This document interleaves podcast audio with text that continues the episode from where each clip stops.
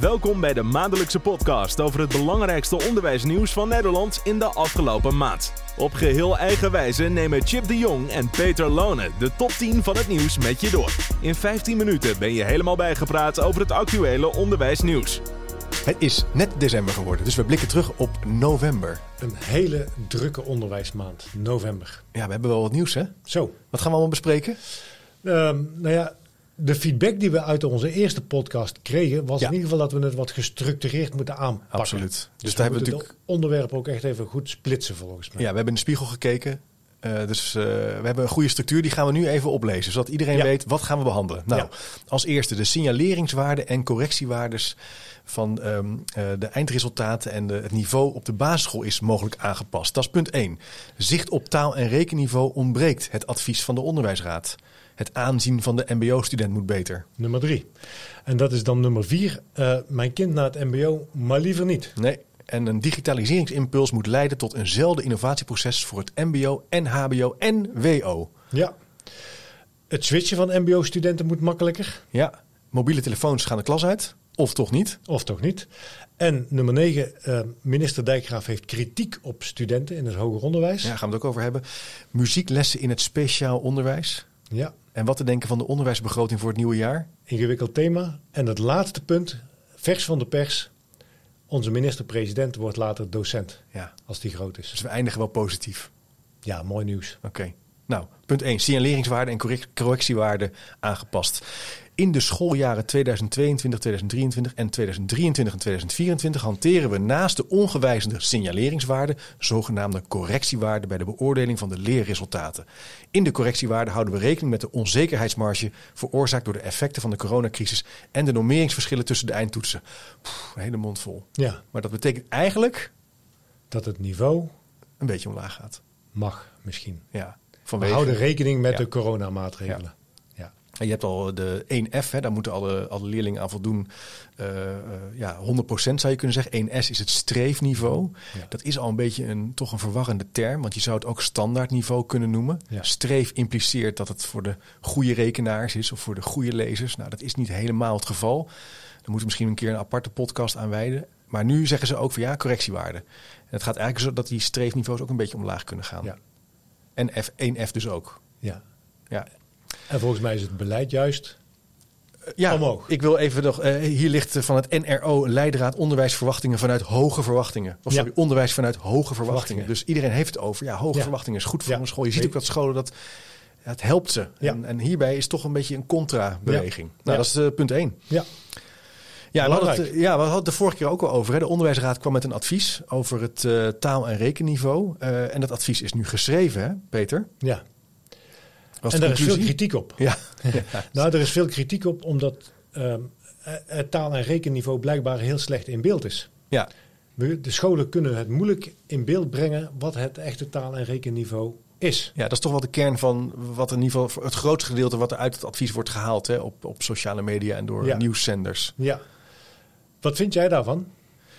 Ja, ik vind het, het is een beetje ingewikkeld. Ik denk toch, we weten toch op zich wel in een school of eh, landelijk hoe leerlingen ervoor staan. We hebben toch allerlei heldere eh, toetsen en criteria. Alleen ja, de CITO bijvoorbeeld is wel wat ingewikkeld. Want een CITO toetst niet altijd wat kinderen ook echt kunnen qua leesbegrip of qua rekenen. Hè. Toetst, Eigenlijk de CITO toetst de CITO. Ja.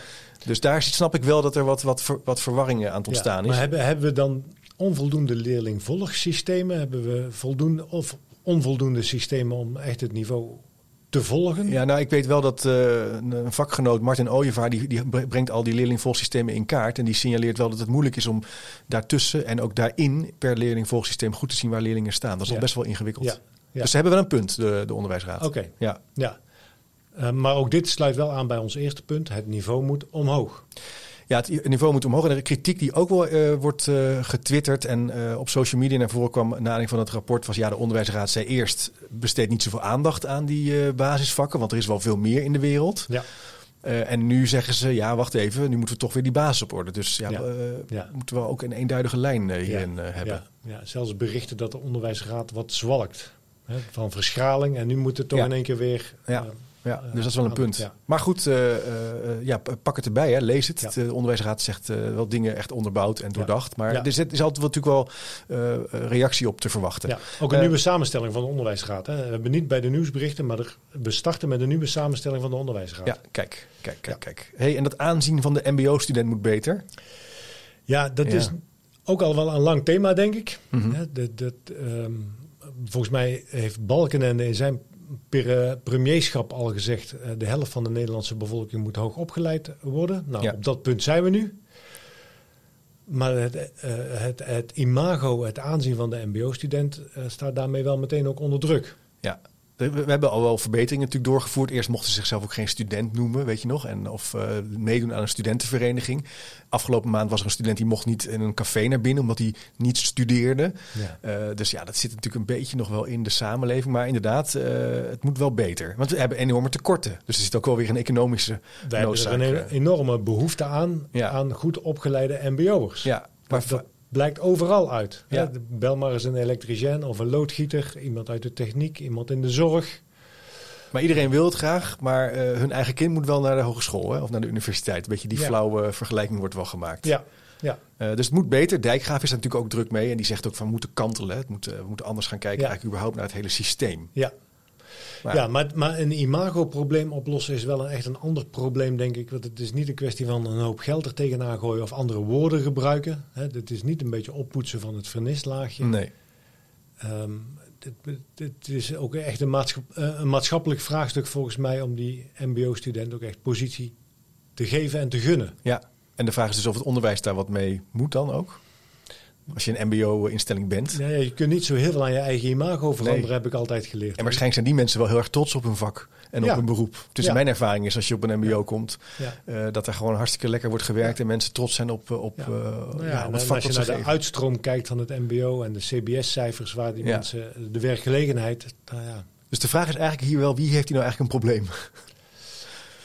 Ja. Eh, ja, Ja. de- de terechte vraag. Ja, oké. Ja. oké. Hey, het volgende punt. Digitaliseringsimpuls moet leiden tot eenzelfde innovatieproces van het MBO, HBO en WO. Ja. Ja, dat klinkt wel heel mooi, hè? Ja, en we gaan naar landelijke transformatiehubs. Ja. En een, eh, een, een, een eigen, iedereen een eigen eh, digitaal ID, waarin je van de ene opleiding naar de andere kunt gaan. Lijkt me handig. Dat lijkt me handig. En voor de rest lijkt het mij een. een nou ja, de- het nieuwsbericht is eigenlijk dat alle opleidingen ehm, in Nederland, in het MBO en het HBO, universiteiten, eenzelfde soort inrichting krijgen. Ja. En dit is even naar aanleiding van het jaarlijkse, de jaarlijkse surfonderwijsdagen. Dat gaat over eh, digitale en technologische innovatie in het eh, hoger onderwijs. En dat versnellingsplan dat loopt ten einde en dat gaat eigenlijk voort in een nieuw programma. En ik denk dat dat artikel eigenlijk ook daarop ingaat. En die zeggen dus eigenlijk, ja, we moeten dus eigenlijk landelijk met elkaar nu de volgende stap gaan zetten. Ja, Ja. ik heb bij innovatie altijd geleerd dat een, dat een groot en meeslepend innovatieprogramma meestal niet werkt. Dat je toch altijd verschillende kleine pockets hebt, kleine Ja. aanpakken die wel werken. Dus Ja. lijkt me spannend wat ze zeggen. Ja. Maar goed, eh, er komt veel geld aan, hè, want ze, er wordt vol ingezet, 560 miljoen volgens mij. Ja, En eh, digitalisering is een enorm thema in het hoger onderwijs en het WO. Kijk, je kan er tegen zijn, maar eh, ja, je hebt een enorme toeloop van studenten, dus je zult wel wat moeten.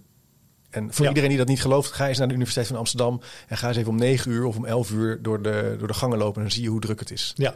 Dus we Ja. zullen wel wat moeten En, doen. en het doel is dus om het onderwijs bij alle hoger onderwijsinstellingen zoveel als mogelijk op eenzelfde manier te organiseren. Ja. Nou ja, wij zeiden in de voorbereiding al, we wensen die mensen een prettige wedstrijd om dit voor elkaar te brengen. Ja, succes ermee. Ja. Eh, maar we volgen het wel graag. En eh, blijkbaar zit daar een redenering over. En we gaan kijken of dat in het aankomend jaar nog verder eh, ja, nieuws gaat worden.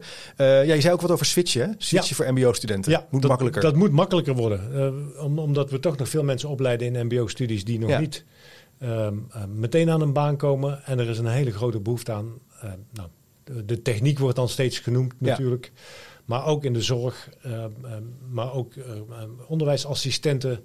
ehm, er is toch grote behoefte aan. Zeker omdat er nog leraren tekort is. Dus het moet makkelijker worden Ja. om te switchen. Eigenlijk zoals je met het openbaar vervoer gaat. Je, je gaat naar het zuiden van het land en dan ch- check je in bij een nieuwe provider. Je moet makkelijker met je, met je eigen ID kunnen mee blijven doen in het onderwijssysteem. Want wat er wel gebeurt is dat studenten die het soms niet redden of zichzelf niet zien zitten in die opleiding, die schrijven zichzelf uit, die ben je kwijt. Ja. Dus die wil je eigenlijk ook in beeld houden. Ja. Daar gaat dit denk ik ook over. Ik vind het wel een uitdaging hoor. Want, want als je ehm, start aan een opleiding en je wordt man in pak. En je wordt dan in één keer man in overal. Ja. Of vrouw in overal. Vrouw in pak. Mhm, mhm. Die switch is niet makkelijk door studenten. Ik, de studenten zeggen ook vaak, we kiezen toch wat we leuk vinden om te doen. Ja, ja, ja, ja dat vraagt dus ook wel begeleiding. Hè? Dat je toch ook wel met die studenten een goed gesprek kunt voeren over beroepsperspectief. Ja, en dan blijft nog steeds de vraag of dat, dat de bepalende keuze is, of keuze beïnvloedt Ja, uiteindelijk. want wie ben jij om mijn droom eh, aan diggelen te helpen? Ik Ja. wil gewoon wat in de dienstenmarketing Ja. doen. Ook al is daar misschien eh, geen droog brood in te verdienen. Nee, Nee, nee. oké, oké. En, en het gebrek aan switchen is overigens ook overheidsbeleid geweest, weer van voorheen. Want toen wilden we juist het switchen zoveel mogelijk beperken. Ja, zo zie je. Als je uitzoomt, zie je de, de patronen al ontstaan. Hey, Ja. Een ander Ja. punt wat, eh, wat eh, echt wel in het nieuws was. eh, de mobiele telefoon moet de klas uit. Ja, Een wetvoorstel van het CDA. ja. Eh, ja, er was, werd veel, was veel om te doen. Ehm, geen telefoon in de klas. Ja, ook om te laten zien, denk ik, dat, dat die telefoon toch een enorme afleidende bron is. Hè. Weerstand bieden tegen afleiding is een belangrijke vaardigheid om, om geconcentreerd te kunnen werken. Mhm. Ehm, lijkt me ook een ingewikkeld thema om dat voor elkaar te krijgen. Het vraagt echt gedragsverandering van Ja. zowel de docenten als de studenten. Ja.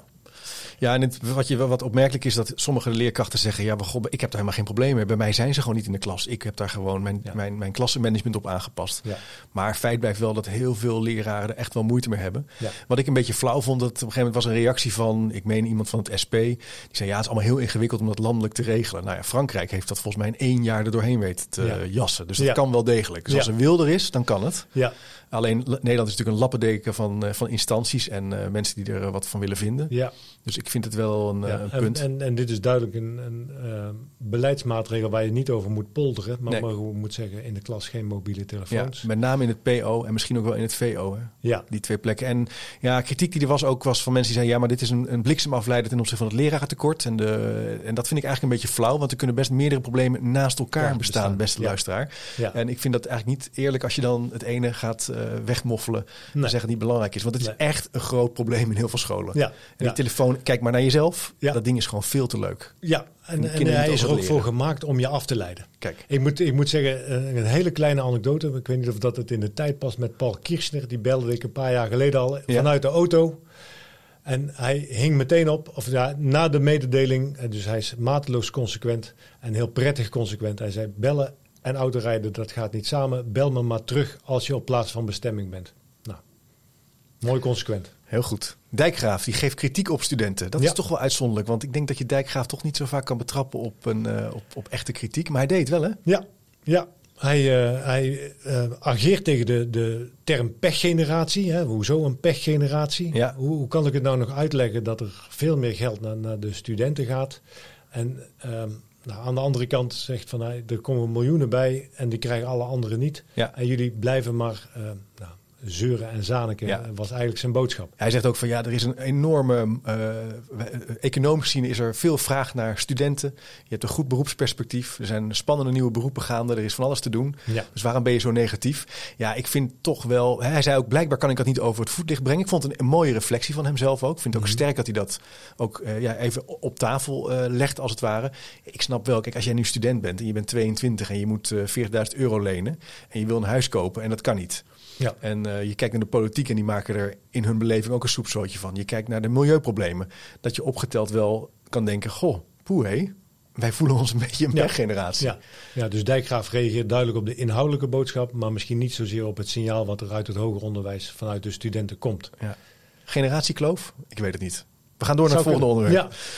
Muzieklessen in het speciaal onderwijs. Ja. Er is een sterk pleidooi wordt er gedaan door eh, mensen die zich bezighouden met ja, vakdocenten over muziek. Die zeggen in het speciaal onderwijs moet er meer tijd zijn voor muziek. Ja. Want dat is belangrijk voor kinderen met een geestelijke of lichamelijke beperking om zich ook sterk te ontwikkelen. Ja, ja, andere zintuigen om het leren Ja. eh, prettig voelen.